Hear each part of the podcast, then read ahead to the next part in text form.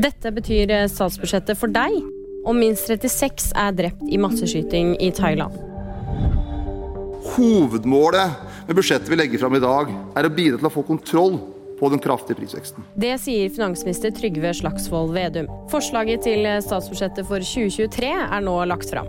Og her er noen hovedpunkter som kan ha noe å si for deg. Regjeringen foreslår at strømstøtten forlenges ut 2023. De vil sørge for at det ikke skal koste mer enn 3000 kroner i måneden for barnehageplass. De med inntekt under 750 000 skal betale noe mindre skatt, mens de over 750 000 skal betale mer. Studenter skal få litt mer i stipend og lån og det blir dyrere å gå til legen, snuse og dyrere for medisiner.